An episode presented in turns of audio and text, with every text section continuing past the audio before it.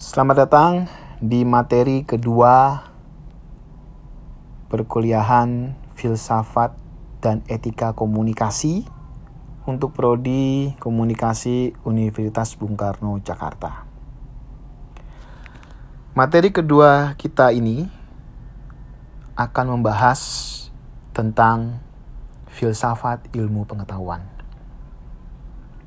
Setelah pada materi yang pertama kita membahas bagaimana cara berpikir filsafat dan seperti apa filsafat itu, maka pada pertemuan kedua ini saya akan memberikan gambaran penjelasan mengenai filsafat ilmu pengetahuan.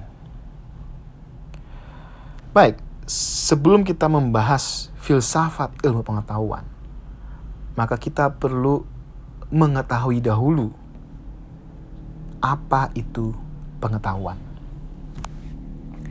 Karena mungkin di antara kita banyak sudah mengetahui pengetahuan itu seperti apa. Secara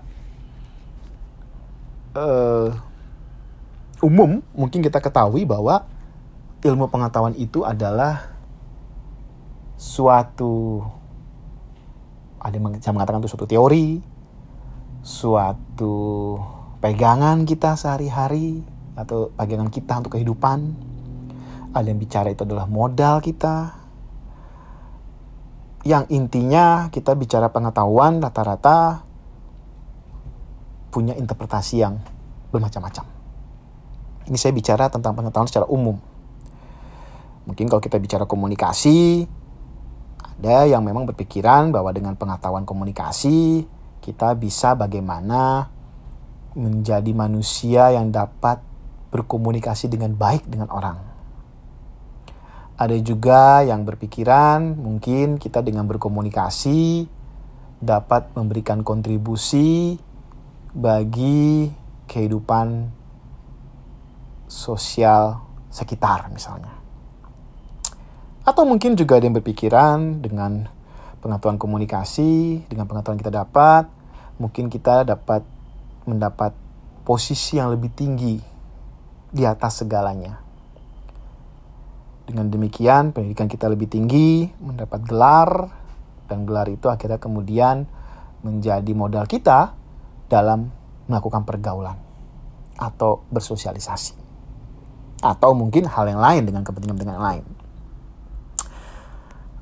itu gambaran pengetahuan secara yang umum. Tapi secara pengetahuan secara lebih uh, khusus, maka kita juga punya persepsi bahwa pengetahuan itu adalah suatu bidang yang dapat menjawab atau dapat diaplikasikan dalam segala hal. Mengapa saya katakan segala hal? Karena tentu dalam pengetahuan itu banyak.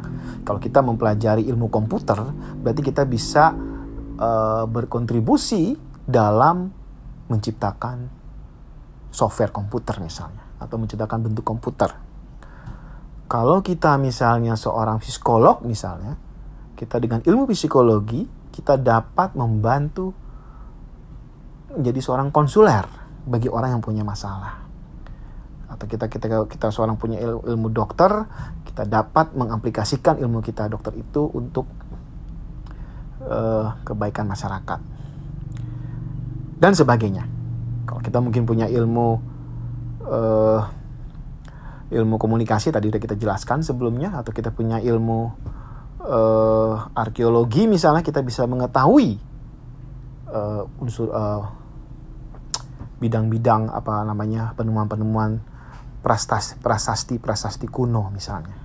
Untuk kemudian menjadi bahan refleksi sejarah dan sebagainya untuk kita melihat ke depan banyak hal tentang pengetahuan uh, kita uh, untuk untuk hal tersebut. Tapi sebenarnya uh, secara konseptual kita bisa mengatakan bahwa pengetahuan adalah keseluruhan pemikiran, gagasan, dan pemahaman yang dimiliki manusia tentang dunia dan segala isinya, termasuk manusia dan kehidupannya. Nah, ini uh, berkembang karena menjawab atas adanya mitos. Jadi mitos itu dijawab oleh pengetahuan. Yang kemudian pengetahuan itu akhirnya menjadi uh, hal yang uh, utama dalam menjawab hal yang berbau mitos atau hal yang tidak masuk akal sehingga bisa ada yang mengatakan bahwa pengetahuan itu adalah akal ya sebuah akal budi yang menjawab hal-hal yang tidak masuk akal. Itu secara lebih ringkasnya. Saya uh, sederhananya menjelaskan tentang uh, pengetahuan. Ya. Nah sedangkan filsafat kalau kita bicara filsafat dia ranahnya adalah bagaimana yang sebelum kita bicarakan pada materi yang pertama adalah dia lebih bersifat reflektif, reflektif dan kritis. Sehingga dia melihat segala hal dalam dunia ini lebih kedalaman atau lebih mendalam. Akhirnya uh, seorang filsuf kenamaan dalam ilmu pengetahuan bernama Bertrand Bertrand Bertrand Russell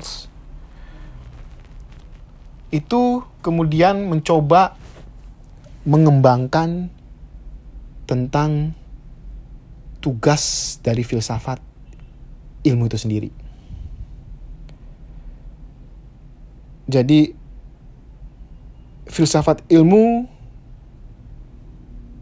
itu menjadi sebuah refleksi ya dari rasionalitas ilmu pengetahuan. Sehingga filsafat ilmu itu berarti adalah uh, tujuannya ya, tujuan dari filsafat ilmu itu adalah merefleksikan ilmu pengetahuan baik dari segi yang dicapai oleh pengetahuan itu maupun metodenya. Jadi kalau kita bicara pengetahuan itu keseluruhan pemikiran gagasan manusia dan si isinya ya. Menjawab tentang persoalan dunia yang dijawab dengan tidak masuk akal kemudian dengan pengetahuan itu dengan akal bahwa ada pengetahuan oh tidak loh. Bahwa misalnya uh, kita berdiri di pantai selatan dengan pakaian hijau itu akan ditarik oleh ratu pantai selatan. Mitosnya seperti itu tetapi dengan ilmu pengetahuan enggak kok saya pakai baju hijau di depan pantai itu tidak ditarik. Nah, mengatakan bahwa itu tidak ditarik itu udah pernyataan-pernyataan pengetahuan, pernyataan ilmu pengetahuan. Ya. Sedangkan mitos ditarik itu adalah sebuah mitos. Dijawab dengan pengetahuan. Tapi kok hadir lagi ada namanya filsafat ilmu pengetahuan yang mengatakan bahwa itu untuk merefleksikan apa yang sudah dicapai oleh ilmu itu ya baik yang dicapai maupun dari segi metodenya. Ya. Jadi artinya filsafat dapat berbicara tentang ilmu pengetahuan dan karena itu filsafat ilmu pengetahuan dapat menjadi sebuah cabang filsafat yang membicarakan masalah-masalah dasar dari ilmu pengetahuan dari segi penalaran dan metodenya. Jadi, ya oke, okay. kamu bisa bilang bahwa dengan pakai baju hijau tidak ditarik oleh pantai pantai tersebut yang notabene nota pantai selatan adalah pantainya uh, secara mito ada Roro Kidul. Tetapi Oke, okay, fakta yang Anda temukan itu bisa menjadi ilmu, menjadi pengetahuan bagi semua orang. Tetapi Coba didalami lagi. Dari mana bisa itu terjawab? Apakah memang, misalnya itu pertanyaan lebih dalam lagi.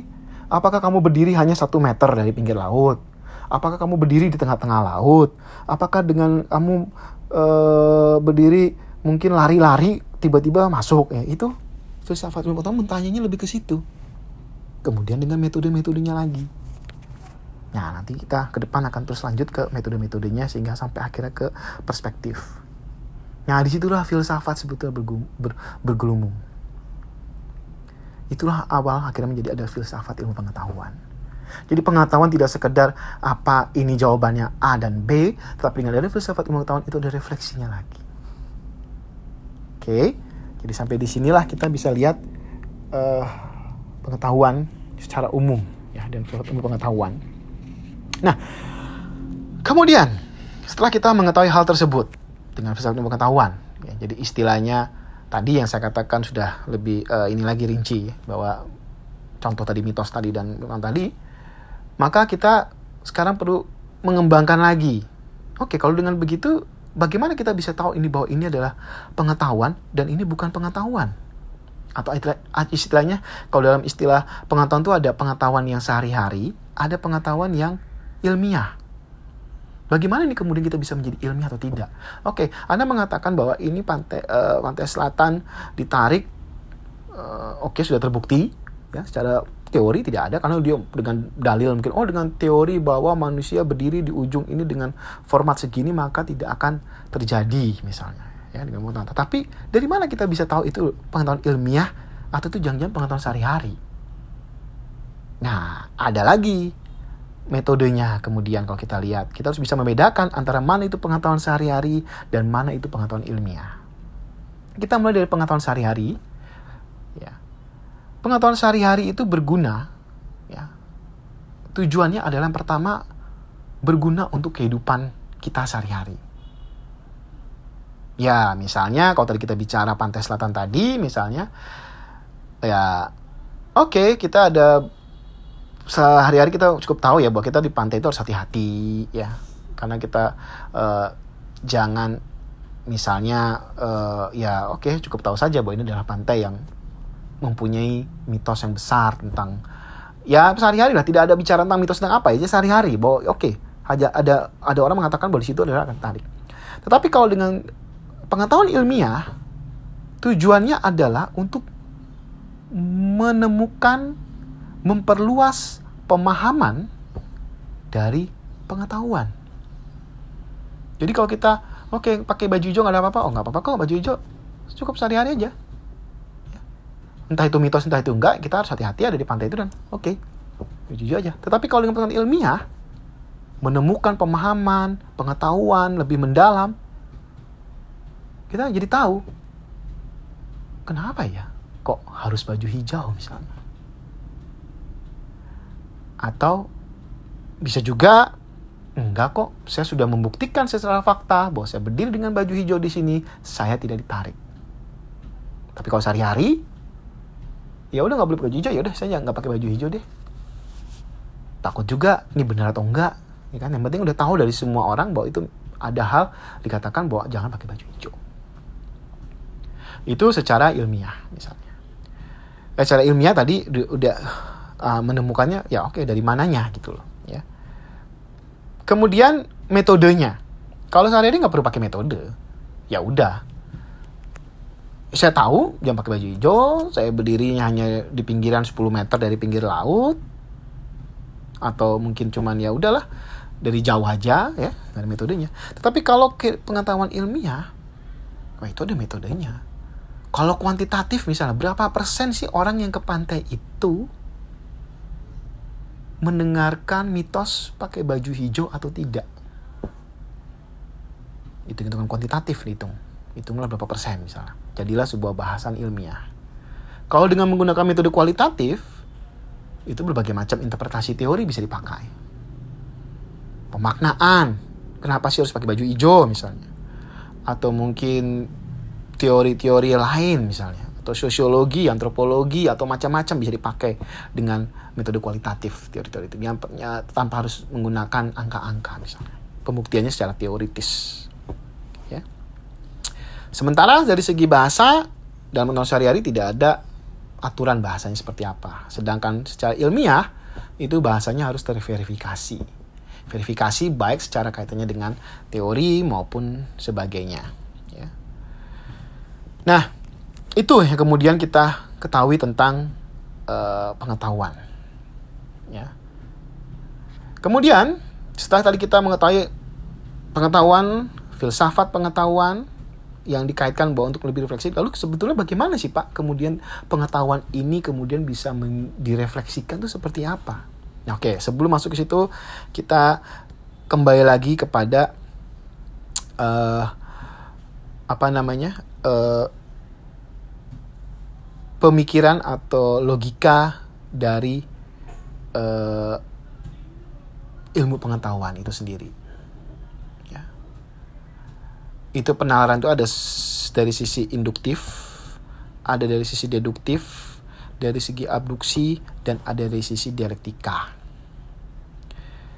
Dari segi induksi, ya, proses penalarannya adalah dari hal uh, praktek itu ke menuju hal teoritis. Ya, tadi membuktikan dengan baju hijau, kemudian menjadi hal yang lebih uh, teoritis. Cara teorinya apa?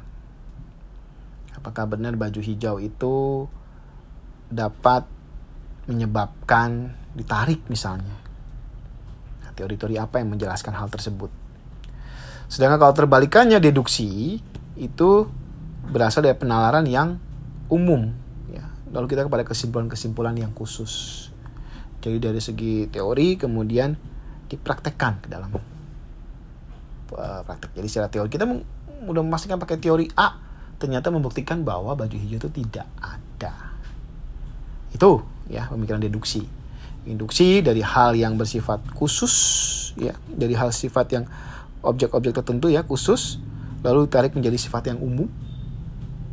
Bisa juga dari praktek lalu menjadi sifat yang umum teoritis dan deduksi dari sifat yang teoritis ke sifat yang dipraktekkannya seperti apa.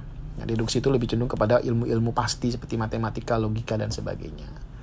Ya induksi juga dari hal tersebut. Tetapi ada juga yang namanya adalah abduksi abduksi itu adalah cara pembuktian yang memungkinkan hipotesa-hipotesa itu dibentuk jadi pembuktian-pembuktian abduksi ini Eh, penalarannya itu tidak memberikan kepastian yang mutlak. Bisa saja ada satu fakta A yang menimbulkan tanda tanya, lalu ada hipotesa B, maka hipotesa B itu bisa benar, maka fakta A bisa jadi salah. Jadi uh, ini terjadi semacam ada uh, kejelasannya atau penjelasannya mungkin penalarannya itu akan lebih uh, meluas karena ada beberapa pembuktian beberapa hipotesa. Sementara kalau kita bicara yang dialektika, maka ada tesa, antitesa, dan sintesa.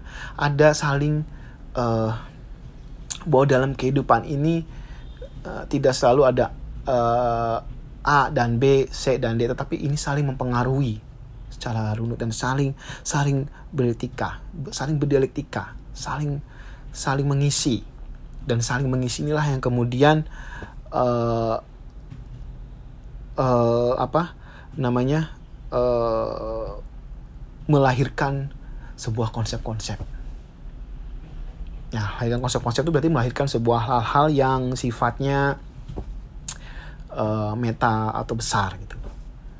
Ya.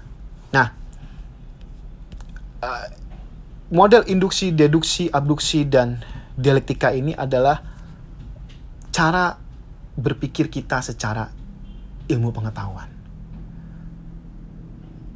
Ya, jadi ketika kita bicara ilmu pengetahuan, kita bicara nalarnya adalah empat itu, ya, dengan tentu ditambah dengan refleksi secara filosofis. Kenapa nanti adanya refleksi filosofis nanti kita akan lanjutkan. Jadi setelah tadi kita mengetahui perkembangan sampai dengan kepada logika pemikiran ilmiah, logika penelitian ilmu pengetahuan maksudnya, maka uh, berikutnya kita akan melihat uh,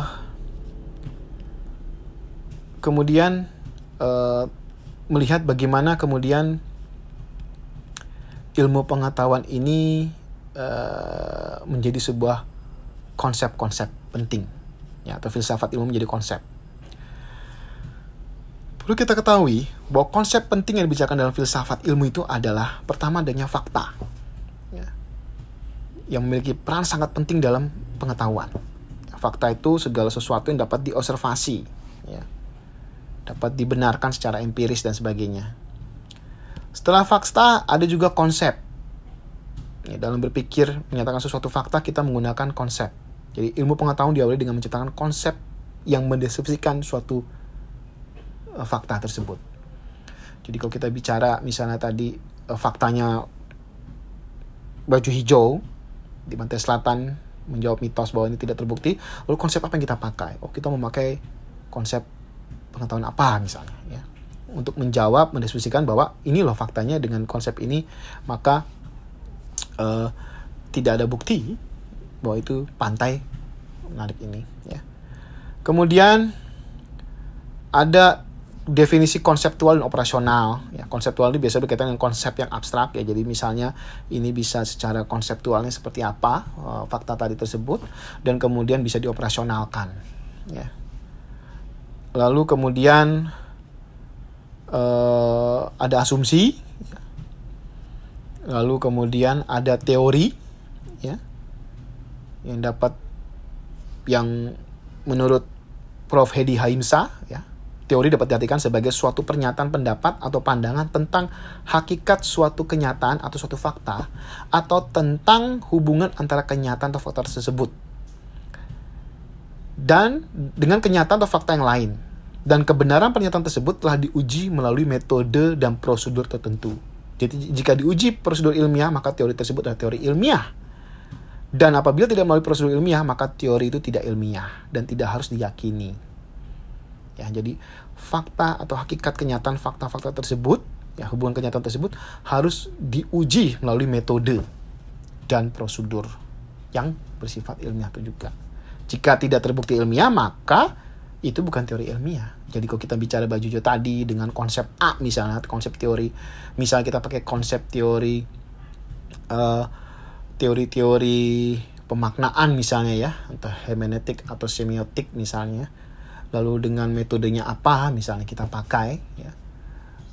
Itu bisa menjadi sebuah uh, uh, teori ilmiah. Tapi kalau kita pakai konsep oh baju hijau nggak kenapa-napa kok, ada ini kok ya itu dan tidak ada teori yang bicara cuma nggak apa-apa itu bukan sifatnya teori tapi teori ada katanya ada misalnya tadi ada wacana apa misalnya? Ada bentuk wacana apa dari baju itu? Kenapa hijau? Hijau itu dikaitkan dengan apa?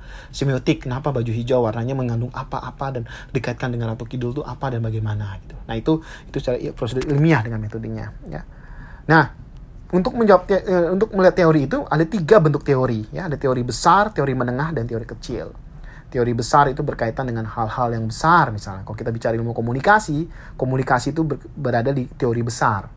Lalu kita bicara teori menengah, maka lebih spesifik lagi. Komunikasi itu bicara tentang teori-teori apa aja. Jadi komunikasi antar pribadi, antar kelompok, komunikasi massa itu termasuk dalam teori menengah. Nah, di dalam teori komunikasi massa misalnya ada teori agenda setting, ada teori kultivasi dan sebagainya itu masuk ke dalam teori kecil. Ya. Jadi ada teori besar, teori menengah, dan teori kecil dalam teori, teori. Nah, uh, itu uh, gambaran uh, utama dari uh, yang namanya konsep-konsep penting yang bicara dalam filsafat ilmu. Nah, kemudian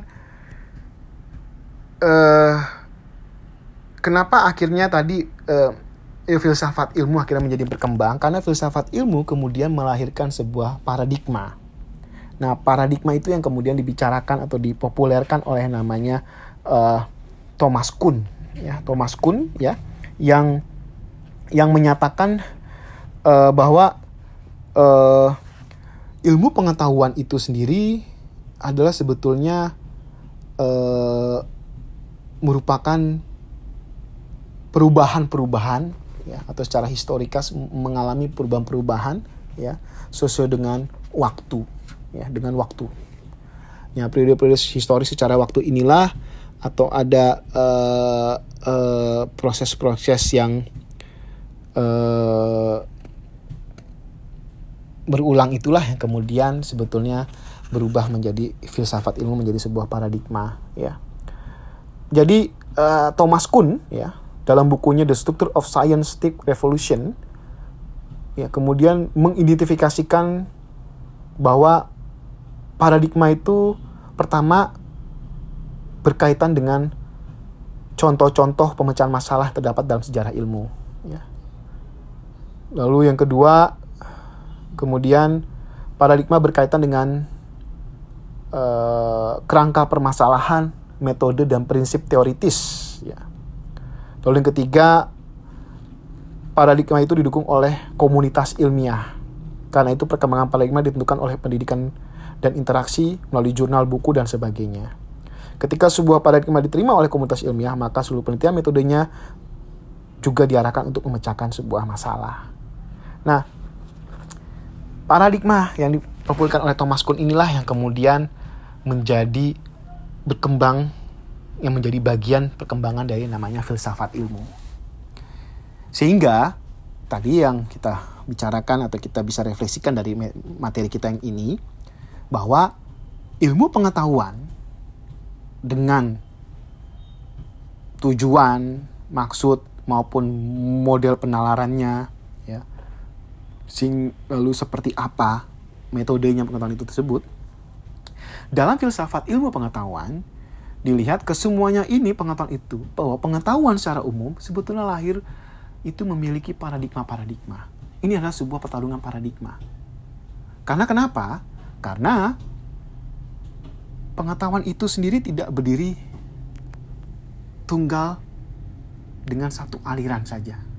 Tetapi dia lahir dengan berbagai macam aliran. Kalau kita bicara ilmu pengetahuan atau filsafat, itu dulu kita uh, uh, filsafat itu ada pertarungan antara orang yang percaya kalau kita bicara kasarnya ada orang bicara yang lebih sederhananya ya ada orang bicara tentang teori dan ada orang yang percaya dengan praktek. Itu terus menjadi perdebatan. Kita teori dulu apa praktek dulu? Praktek dulu apa teori dulu? Nah ilmu pengetahuan mengalami perdebatan itu.